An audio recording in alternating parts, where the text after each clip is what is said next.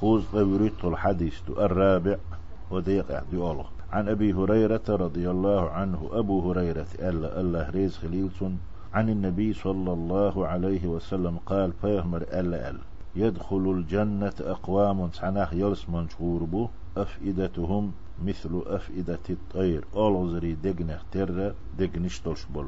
رواه مسلم. إي حديث مسلم ديشتا. قيل ألا معناه تشن معني؟ أولزري دقنخ تر دقنش دولش تناخ يوسمن غوربو ألشي. تشن معنده ألا؟ متوكلون. دالت إبوخ بلن.